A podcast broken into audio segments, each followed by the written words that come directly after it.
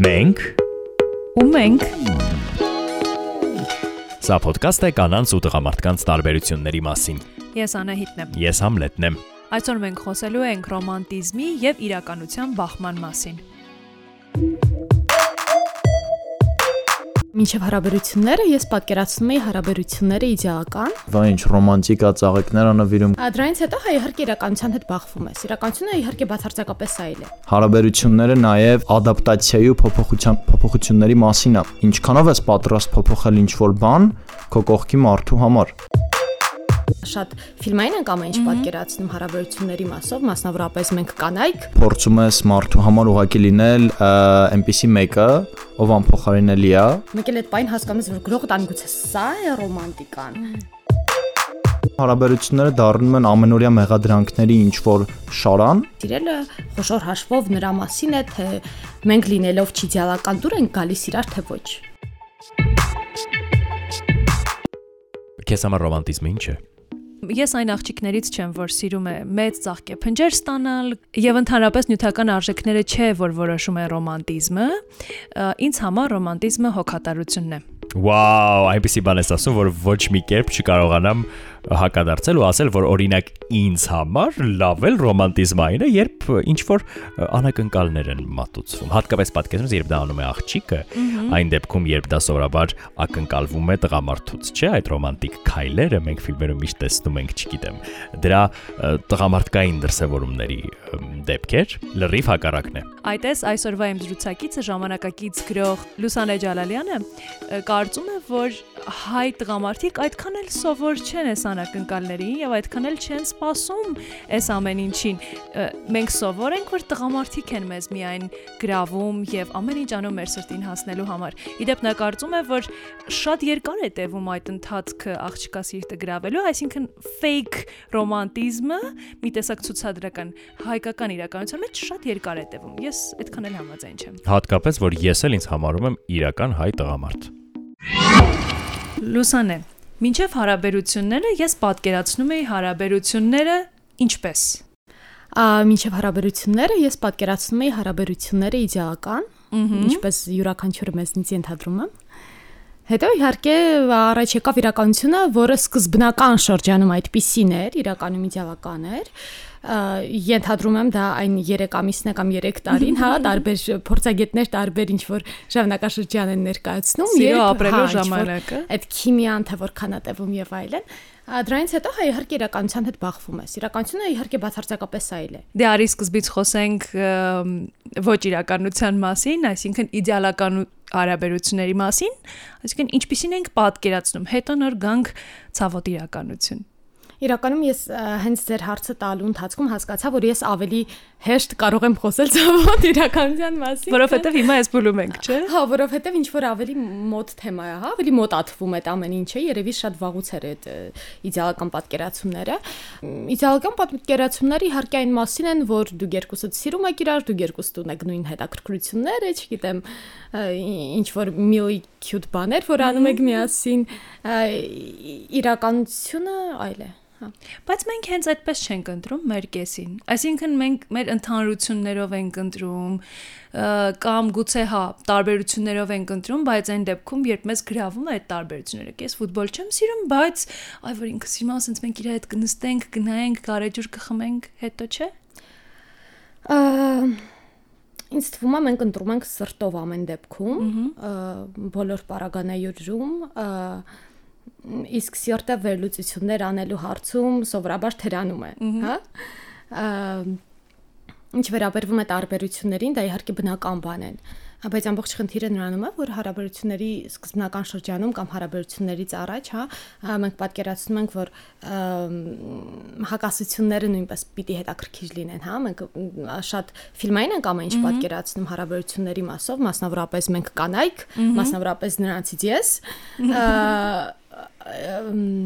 ավելի ֆիլմային ենք պատկերացնում, որ անգամ այդ հակասությունները, անգամ այդ խնդիրները, որ կարող են առաջանալ մեր միջև, ավարտվելու են ինչ որ շատ ռոմանտիկ տեսարանով։ երևի- հա, երեկոյան։ երեկոյան ընթրիքով, հա։ Բայց Բայց հա, իրականություն սովորաբար այլ է լինում։ ինչպես են ավարտվում իրականությունում այս հակասությունները։ Իրականում հակասությունները ավարտվում են նրանով, որ հասկանում ես, որ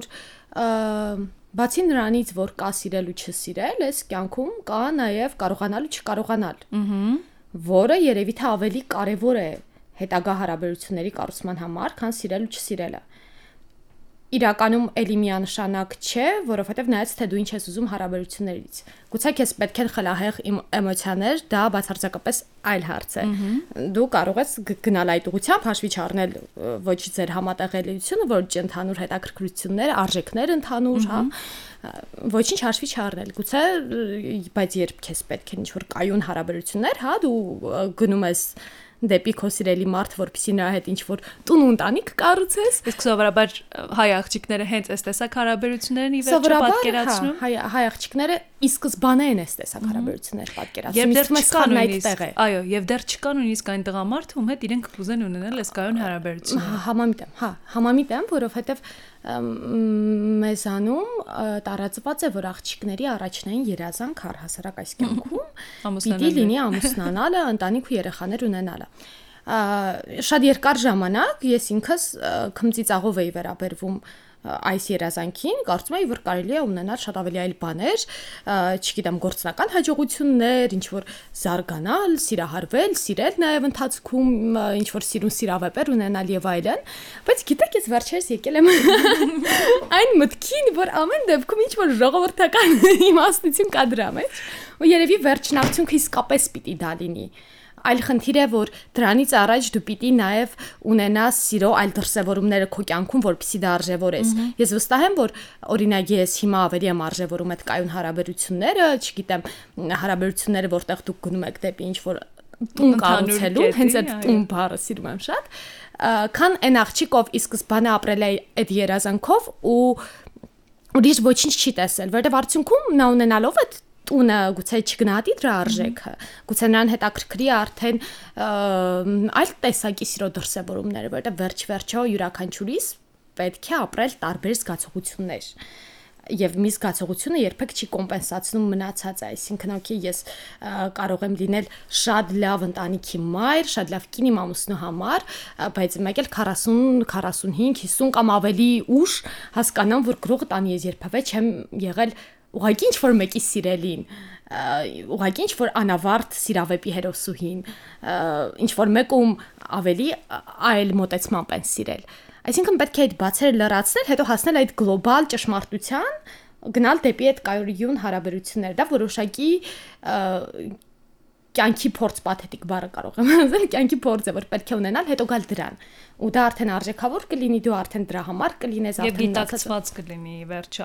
ապրված կլինի մի տեսակ արդեն հուզմունքների, զգացմունքների առումով։ Լավ, եթե հիմա խոսում ենք ռոմանտիզմի մասին, աղջիկները սովորաբար հակված են այդ տեսակ թիթիզ բաների։ Գուցե այո, ֆիլմերից, գուցե Instagram-յան հիմա իրականությունից, չէ, ուրիշների գեղեցիկ երջանկությունը տեսնելուց, հա, մենք էլ ենք ուզում մեծ ծաղկե փնջեր, չգիտեմ, նվեր մեքենաներ, թանկարժեք ինչ որ հետաքրքիր բաներ, շատ հանրային անակնկալներ, որոնք հիմա տարածված են,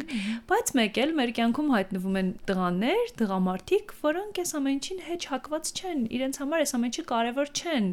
Ինչ պիտի անի այս դեպքում էս խեղճ աղջիկը։ Տեսեք, քանի որ ես հարում եմ այն տղամարդկանց բանակին լինելով կին, որոնք հակված չեն մեծ սահկեփնջերի եւ շքեղ մեքենաների, ես էլ դա չեմ կարևորում հետաքրքիր է, բայց ուզում ես, չէ, այդ հույզն էլ ապրել։ հա, Ինչպես են մնացած դեպքերում, երբ որ պահի ուզում ես։ Հետո գալիս է հաջորդ պահը, երբ հասկանում ես, որ երբ դուք միասին պարկած եք Սևանի ափին օրինակ, հա, տեսականորեն եւ դու լավ չես տեսնում իսկ նա օպտիկական ակնոցներ ունի իսկ դու ոչ ու ինքը ինչ որ մի պահի ուղակի մտածում է որ կարելի է այդ օպտիկական ակնոցները տալ քեզ որ դու ավելի լավ տեսնես աստղերը մեկ էլ այդ պայն հասկանաս որ գրողը տան գուցե սա է ռոմանտիկան դա է վստահ այո դա էլ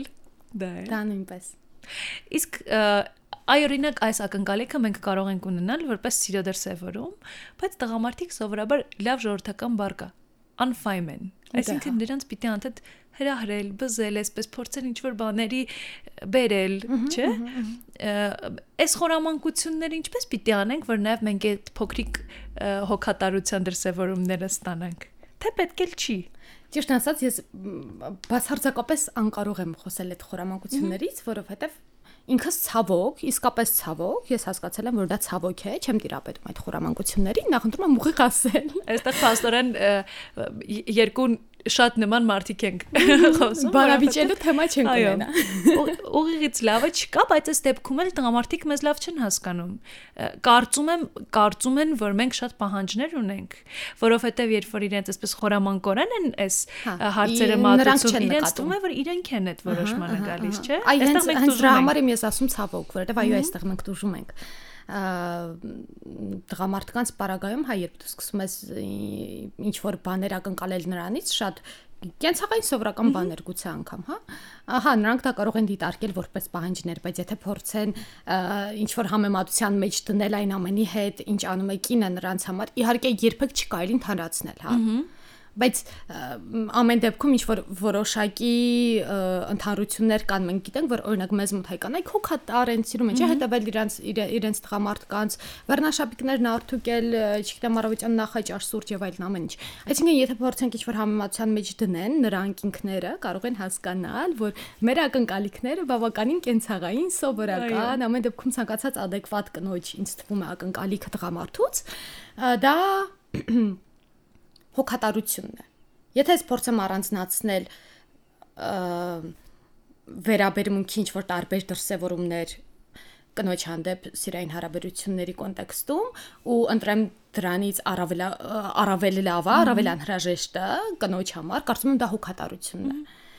Ինձ թվում է ամեն դեպքում կինը հոգատարության կարիք ունի։ Թող ներենից բոլոր ֆեմինիզմները, բայց կինը ունի կարիք, որ նրա մասին հոգ տանեն, նրա առաջ դռներ Ուժեղ բացեն եւ լինելով հանդերձ, ընդհանրապես չի խանգարում սա։ Մեկը մյուսին, այնպես որ ֆեմինիզմի բան չկա այստեղ, խանգարող հանգամանք չկա կարծում եմ։ Լավ, մենք սիրում ենք, սիրահարվում ենք, ապրում ենք այդ ռոմանտիկ հրաշալի մի քանի ամիսը կամ տարին եւ ըհը, եկավ արդեն կենցաղն ու իրականությունը։ Երբ արդեն փոքրիկ նույնիսկ բաները, որոնք մեր աչքին սովոր չեն, մեր կենցաղին հատուկ չեն, կարող են մեզ նյարդայնացնել, չէ՞։ Բայց ինչպես մենք հաղթահարենք այս ամենը, եթե այս մարդու հետ պիտի ապրենք այդ մեր տանը, տակուկ անկյունում, բայց ոչ այդքան ռոմանտիկայի մեջ, ինչպես մենք ենք պատկերացնում։ Տեսեք, ես այդ հարցի շուրջ հակվել եմ երկու ճշմարտության։ Ճշմարտություն համար մենք մենք ունենք այստեղ լոկալ խնդիր հենց մեր երկրի մեր մենթալիտետի հետ կապված, որ այդ կաֆետնի բուկետնի պերիոդը շատ ավելի երկար է մեզ մոտ տևում, հա, ինձ թվում է։ Ինձ թվում է տևում է շատ ավելի։ դեռպես չի լինում։ Չէ, ինձ թվում է լինում ինձ թվում է տղամարդիկ Հայաստանում ոչ թե սիրում են, այլ Ցույց են տալիս։ ա, ընդունված է այնպես, որ տղամարդիկ Հայաստանում պիտի ինչ որ երկար ժամանակ Հա, մինչև սրտի հասնել։ Մինչև հա, նո դա անվանում են մինչև սրտի հասնել։ Ինձ թվում է եթե աղջկա սրտում այդ մարդը չլինի, այդ քայլերն էլ չեն լինի, հա։ ու առհասարակ հարաբերությունների սկզբնական շրջանում կարծում եմ աղջիկներն ու տղաները շփվում են չափազանց մեծ հարաբերության վրա, ոչ ֆիզիկական հարաբերության մասին չի խոսքը, հա։ Սրճարան գնալ միասին երեկոյան դուրս գալ ինչ որ այսպես շորիկներով, բան, մենք բոլորս լավն ենք, բարի եւ քնքուշ, շփվել իրար հետ սրճարանում մի ժամ, մի ժամ այդպես լավ ներկայանալ ավելի քան կաս, դա իրականում Բոլորին բոլորիս բնորոշ է, հա, ոչ մի քմծիծաղ չկա այս ամենի հանդեպ, բայց ամեն դեպքում դա ինձ թվում է մեզ մոտ տևում է շատ-շատ ավելի երկար, քան պիտի ընթանա, ու ստացվում է, որ երկու իդեալական մարդիկ նստած են իրար դիմաց, նրանք անսահման սիրում են իրար, նրանք երկուսն էլ իդեալական իրավական են, հա, ու ինչ կարող է չստացվել։ Հետո սովորաբար էլի լոկալ խնդիր։ Դրան հաջորդում է հաջորդ էտապը հարաբերությունների, որը մեզ մոտ արդեն մի անգամից կամ նշանադրություն կամ ամուսնություն Հետո իրական դեմքերի Ահա, ու բացահայտում։ անմիջապես, անմիջապես իրական դեպքերի բացահայտում։ Մարդիկ չեն հասցնում սիրել իրար այնպիսին, ինչպիսին իրենք կան, իրենց ամփոփություններով, ա, չ- չգիտեմ, իրենց ինչ որ բացասական գծերով, հա, իրենք տեսնում են իդեալական ես եւ դու, հետո իդեալական ես եւ դուն ամուսնանում են ու իդեալական ես եւ դուն հայտնաբերում են, որ նրանք այնքան էլ իդեալական չեն։ Ինչ պիտի անեն այս ոչ իդեալական մարդիկ միասին։ Հա, դա մեծ խնդիր է։ Ինձ թվում է մարդիկ, ովքեր հենց նոր են հայտնաբերել, որ նրանք ոչ իդեալական մարդիկ են, Պիտի նախ հասկանան, որ իրենք էլ իդեալական չեն, բնականաբար իրենց զույգն էլ իդեալական չի։ Համամիտ եմ, համամիտ եմ, հա։ Եվ պիտի հասկանան արդյոք այսպես չի իդեալական նրանք իրար դուր են գալիս, որովհետև սիրելը խոշոր հաշվով նրա մասին է, թե մենք լինելով չի իդեալական դուր ենք գալիս իրար թե ոչ։ Հաշվի առնելով, որ որևէ մեկս իդեալական չենք։ Հիմա ինչ վերաբերվում է այդ երկրորդ բանին, որ ասացի, որ հասել եմ։ Կարծում եմ սիրո հարատևելու ամենա ճիշտ բանաձևը դա այն է, երբ մի քիչ սիրելու տեղ ես թողնում։ Այսինքն Դες որ մի քիչ քեզ չեն սիրում, մի քիչ էլ դու չես սիրում։ Այդ 100%-անոց սերը ինձ թվում է միանգամից ամեն ինչ ավելի անհետաքրքիր է դարձնում։ Այստեղ կարող եմ մեջ բերել Վանոյին Սիրադեղյան, շատ հետաքրքիր խոսքեր ունի, ասում է սիրտը լրիվ քարմի արա, բայց սիրելուդ կարոտ թող ու էլի շարունակում է թե ինչպես պիտի իրեն պահի տղամարդը կնոջ սիրուն արժանանալու համար։ Իրականում 21-րդ դարի դիտակետից ու մեր ժամանակների էթիկետից ելնելով հաստատ թե Վանոին թե ինձ հիմա գուցե մարդիկ մեղադրեն սեքսիզմի մեջ, որովհետև ինչպես թե թե չեկինը երես կառնի, ինչ որ նման բաներ այնտեղ ասվում, բայց ես իրականում համաձայն եմ նրա հետ, ես շատ համաձայն եմ, քանի որ Լրիվ նույն բանը կարելի է տղամարդու մասին ասել։ Լրիվ նույն բանը։ Հա, իր, իր, իրականում կարծում եմ, որ հա։ Գիտեք, Հայաստանում տղամարդու մասին դա կարելի է ասել։ Այո, այո։ Որովհետև Հայաստանում ընդունված է, որ տղամարդիկ սիրում են այդպես արժանանալ կնոջ սիրուն կանանց պարագայում դա ընդունված չի, այսինքն կանանց պարագայում ինչպես է դու կինես ծնվել ես, մի քիչ սիրուն ես, մի քիչ խելացի ու վերջ դա բավարար է քեզ տենց ինչ որ մարդիկ կսիրեն, դու արդեն կընտրես եւ այլ, բայց դա անհետաքրքիր է։ Դա շատ անհետաքրքիր է, որ դու ես մարդ, դու ես ուզում ինչ որ չգիտեմ, գնաս մազերը թարդարես կամ ինչ որ չգիտեմ կարմիր շուրթներ կսես, որ քեզ սիրեն։ Հա չես ուզում որ դա լինի ուղակի ինչ որ բան, որ այդպես է պիտի լիներ ուզում ես ինչ-որ բաներ անել դրա համար, դու էլ արժանանալ դրան։ Ու կարծում եմ հարաբերությունները ձգվում են մինչև այն պահը, քանի դեռ դուք ուզում եք արժանանալ միմյանց բացարձակ սիրուն ու որքան այդ պահը ավելի ուշ հասնի, այնքան ավելի երկար կտևեն ձեր հարաբերությունները։ Եթե դուք ունենաք այնքան, չգիտեմ, խորամանկություն ու նաև խիզախություն միշտ այդ փոքրիկ բացը թողնելու ձեր սերը կարող է անգամ հարատևել։ Դա իմ գտած միակ բանաձևն է երկարատև սիրո։ Պետք է մի քիչ սիրել։ Ես լրիվ համաձայն եմ Լուսանեի հետ, մի քիչ կվերաձևակերպեմ ու կասեմ, երևի թե պետք է կարողանալ իրար չսպառել։ Իսկ եթե քո պատկերացումները ընդհանրապես չեն արդարանում, օրինակ միասին ապրելուց հետո, ինչպես կարող ես չսպառվել եւ չսպառել դիմացինի զգացմունքները։ Օրինակ ըստ թվային մարքեթինգի մասնագետ Ռոման Դանեղյանի, պետք է հասկանալ, որ մենք ցանկացած իրավիճակում հայտնվում ենք առաջին անգամ եւ երբեմն պատրաստ չենք լինում այդ բային ճիշտ լուծումներ գտնել, դրա հետևանքով էլ ռոմանտիզմը տուժում է։ Երևի այստեղ նաև պետք է շեշտադրել այն փաստը, որ մենք սովորաբար մեր պոտենցիալ զույգին, երբ նոր ենք ծանոթանում, ցույց ենք տալիս մի ես, որը իրականում այնքան էլ մեզ հետ համահունչ չէ, պարզապես կարծում ենք, որ դիմացինին սա ավելի դուր կգա։ Ռոման, ինչ է քեզ համար ռոմանտիզմը։ Շատ հանգավորված ստացվեց իհարկե, բայց ամեն դեպքում առաջին հարցը հենց դա է։ Ինձ թվում է պատահականություններ չեն լինում ամեն դեպքում։ Վաու։ Հանգավորվում են այդ երկու բառերը քեզ համար։ Դե ինձ թվում է արդեն նկատեցիք, որ հանգավորվում է։ Իրականում ռոմանտիզմը իմ համար այդքան էլ կապ չունի այն տերմինի հետ, ինչը իրականում օրինակ բացատրվում է որպես մեկնաբանություն, այլ ավելի շատ նրա մասին է, թե ոնց է մի կողմը մյուսին վերաբերվում։ Ավելի ճի կոնկրետ տղան աղջկան կամ աղջիկը տղային։ Ինձ համար ռոմանտիզմը ավելի շատ հետաքրքրություն է, ու ոչ թե այնպեսի բան է, որ կամ կամ մարդու մեջ կամ չկա, այլ յուրաքանչյուր մարդու մեջ, քանի որ բոլորս տարբեր ենք մեկս մյուսից, յուրաքանչյուր մարդու մեջ տարբեր ձև է արտահայտվում։ Ու այն իրական ռոմանտիզմը, որ տենց բոլորս ունենք, հա, ինչ որ պատկերացում, որ վայ ինչ ռոմանտիկա ծաղիկներ անվիրում կամ ինչ ռոմանտիկա բան, մեքենա նվիրեց իր կնոջը կամ ընկերուհուն, այդ շատ-շատ սպეციფიկ է ամեն մարդու համար իմ կարծիքով, իմ համար եւս։ Ու լրիվ դուրս է այն ստանդարտներից, որը իրականում ընդունված է համարել որպես ռոմանտիզմի ինչ որ իմաստ։ Ահա։ Իսկ այդ ստանդարտները քեզ համար փոխվել են, օրինակ, եթե հիշես ռոմանտիզմի մակարդակը քեզ մոտ երբ օրինակ նոր էիր սիրահարվել կնոջդ ու հիմա երբ արդեն վաղուց ամուսնացած եք փոխվել են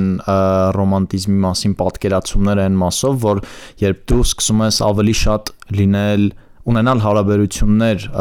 աղջկա հետ, ոչ թե ավելի շատ աղջիկների, այլ ավելի լուրջ հարաբերություններ, հա, որը ինչ որ կոնկրետ տեղ է տանում, դու սկսում ես ուզած ճուզած փոխել, ոչ թե վատ իմաստով, այլ հանգամանքները, հա, կյանքի հանգամանքներն ու իրադարձություններն են քեզ բերում են կետին, որ դու փոխես այդ պատկերացումները, որովհետև նաև եթե մի քիչ ռոմանտիզմից այն կողմ գնանք, հարաբերությունները նաև ադապտացիայի ու փոփոխության փոփոխությունների մասին է։ Իսկն դու ինչքանով ես պատրաստ փոփոխել ինչ-որ բան քո կողքի մարդու համար։ Ահա։ Եվ ինչ է փոխվել այդ մոտեցման մեջ։ Այն ժամանակ պատրաստ ենք ավելի շատ բան փոխել, իսկ հիմա ոչ։ Չէ, իհարկե չէ, կամ իհարկե հա։ Իրականում փոփոխությունները ավելի շատ եղել են փոփոխությունները ավելի շատ եղել են գործողությունների ու ընդհանրապես պատկերացման մեջ թե դու ոնց ես վերաբերվում քո կողքի մարդուն վերաբերվում ես մարդու ով ում մասին պատկերացրել ես ամբողջ կյանքում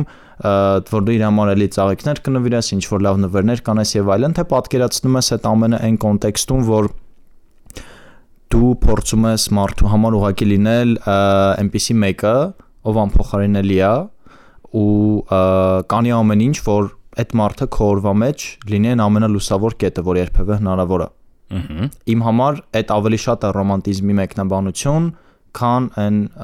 թիթիզ ու այդ ֆիլմային պատկերացումները։ Ֆիլմային պատկերացումները։ Դրանք եւս պետք են, բայց մի քիչ էլ որ խորանում ենք, հասկանում ենք, այս ամենը այդ բալանսի մասին է։ Պետք չի լինել չափազանց ռոմանտիկ, ամեն օր ինչ որ, չգիտեմ, նվերներով հանդես գալ, որովհետև հարաբերությունները այդպիսի կրկնություններ չեն սիրում, պետքա լինի բալանս, պետքա լինի ամեն ինչից փոքր-փոքր ու ոնց ասում են, եթե լավ բանը շատ է լինում, ինքը ավտոմատ վատ բան է դառնում։ Հիշում ես քո առաջին հիասթափությունը, այսպես ասած, այն առումով, որ ինչ որ մի բան այնպես չէր, ինչպես դու պատկերացնում էիր հարաբերությունների մասին է խոսքը իհարկե։ Հա, այդպիսի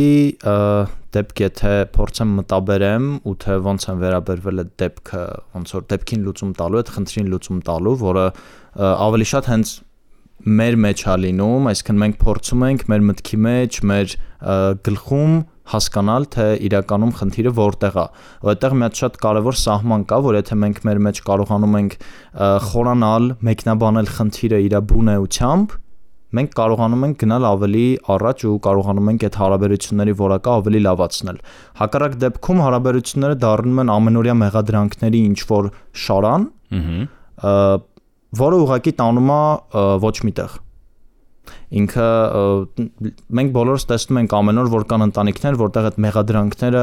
անverջ բնույթ են կրում ու այդ մարդիկ երևի չեն հոգնում իրար մեղադրելուց, այն ինչ որ խնդիրներ առաջանալու դեպքում, բայց այդ նուրբ սահմանի մասին որ խոսում ենք, այդ նուրբ սահմանը այն է, որ երբ մենք հասկացանք կա խնդիր, օքեյ, եկեք նստենք ու հստակ մեկնաբանենք խնդիրը ինչումն է։ Ու այդտեղ էլի այդ չմեղադրելու չմեղադրելու ֆունկցիան, հա, կոպիտ ասեմ մի քիչ չմեղադրելու ֆունկցիան, երբ որ կարողանում ենք մեր մեջ միացնել ու ճիշտ պահին դա ճիշտ օգտագործել, այդ միայն տանում է ինչ որ լավ ու լուսավոր կետի։ Ռոմանտիկ պատկերացումները քեզ խանգարում են նաև երբ դրանք հայտնվում են ինքդ քո մասին պատկերացումների համատեքստում։ Այսինքն եղել է ինչ որ ժամանակ, որ դու ինքդ քո մասին ունեցել ես շատ ավելի իդեալական պատկերացումներ, քան իրականում կարողացել ես քեզ դրսևորել հարաբերություններում էլի։ Իհարկե, ես կարծում եմ բոլորս ունենք այդպիսի պատկերացումներ, որոնք փոխվում են, երբ իրականությանն ենք առնչվում, հա, եկեք վերցնենք այն տարիքը, երբ մենք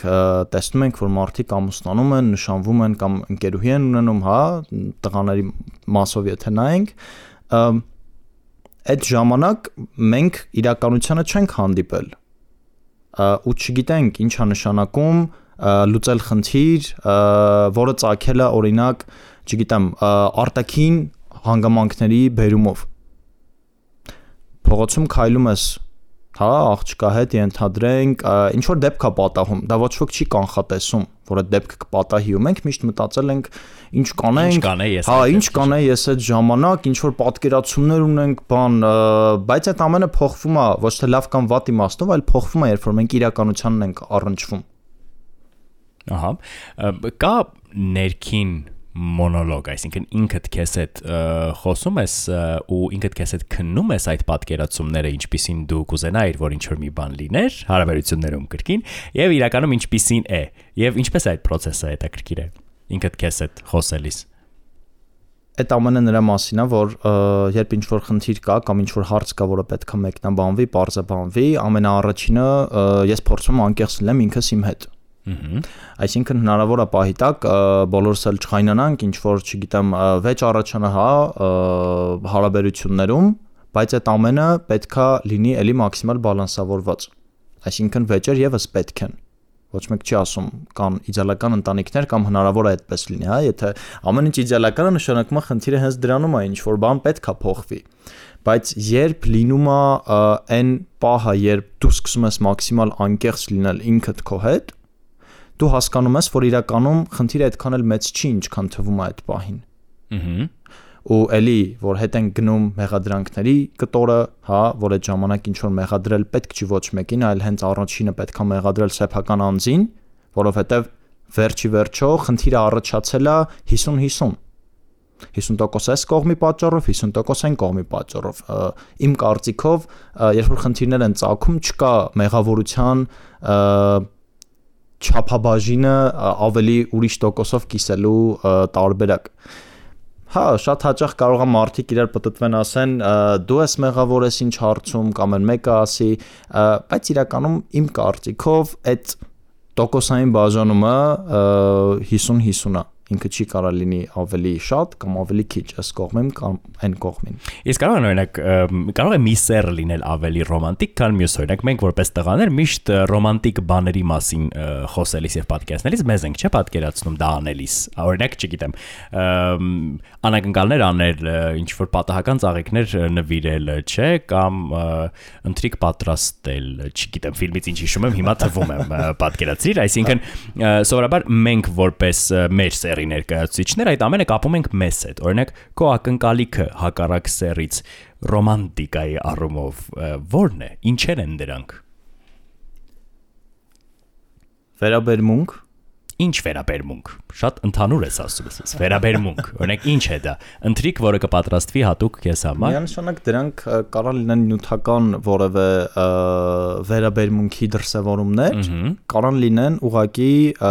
հոգեպես աջակցության դրսևորումներ, որովհետև չմոռանանք, որ ինչքան էլ տղաները փորձում են լինել ռոմանտիկ հարաբերությունների մեջ, որովհետև մեզ սովորեցրել են դա ֆիլմերից, գրքերից փոքր տարիքում մենք դա շատ ենք տեսել եւ կարդացել, ամեն դեպքում երբ խոսում ենք իքական սերի կողմից ռոմանտիզմի դրսևորման մասին,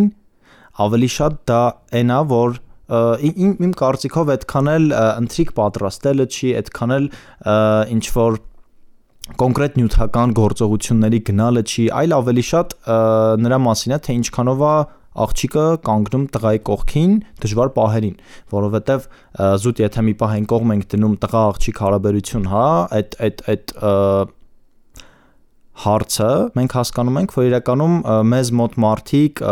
ոնց որ բացահայտվում են միմիայն դժվար պահերին, երբ մի կողմը ունենում է դժվարություն կյանքում կլինի դա անձնական, կլինի դա գործնական, դա ընդհանրապես կարևոր չի։ Ու նույնը իմ կարծիքով լինում է հենց հարաբերությունների մեջ։ Այդ դեպքում ուր է այդտեղ մնում կենցաղը եւ ինչ դեր ունի օրինակ կենցաղային ամենօրյա այդ շատ տնային տրամադրությունը օրինակ զույգերի այդ պատկերացումները քննելու ժամանակ կենցաղային հարցերը կամ այդ կենցաղային խնդիրները, որոնք երևի թե կարող ենք հանդիպել ամեն երկրորդ կամ երրորդ ընտանիքում, իմ կարծիքով իրական խնդիրները թաքցնելու որևէ պատճառ են որովհետև այդ կենցաղային խնդիրները եթե այն այն կարևորություն ունեն զույգի կյանքում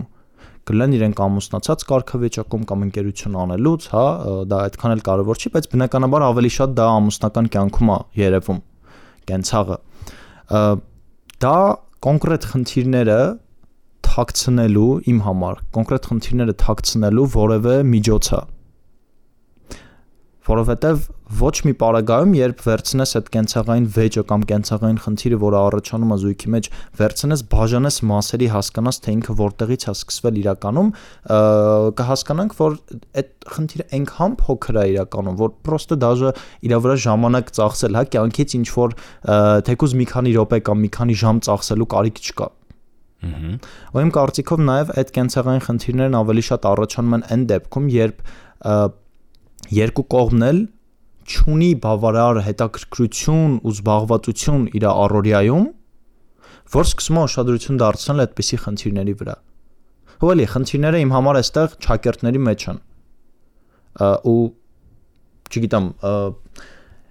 շատ ընդունված է մեր առօրյայում, մեր հասարակության մեջ այդ կենցաղային խնդիրների պատճառով մարդիկ բաժանվում են, չգիտեմ, ինչ որ շատ մեծ վեճերի են գնում ու չգիտեմ, սկանդալներ ա լինում իրանց կյանքում, հա, ինչ որ շատ լուրջ, որի պատճառով շատ հաճախ երեխաներն են նաև տուժում, չգիտեմ, բաժանությունների դեպքում, բայց ամեն դեպքում, երբ խորանում ենք, հասկանում ենք, որ ինքը կոպիտ ասած այդքան չկար էլի, որ դառնար այդպիսի մեծ վեճի առիթ, օրինակ